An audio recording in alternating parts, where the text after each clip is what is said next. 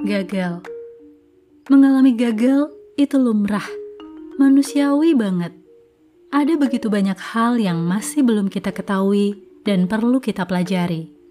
Ada yang memiliki ekspektasi yang begitu tinggi, mempersiapkan begitu rupa, sudah berupaya pada setiap detailnya, sehingga ketika gagal, malunya bukan kepalang.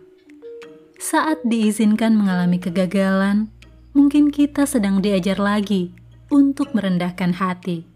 Bisa juga kita diasah lagi untuk lebih teliti, sehingga di kemudian hari kita akan menjadi lebih ahli.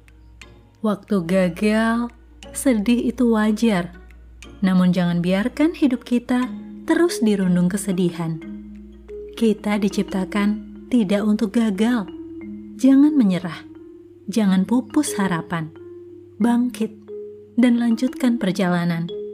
Bagaimana kita tahu apa yang di depan sana kalau kita berhenti melangkah?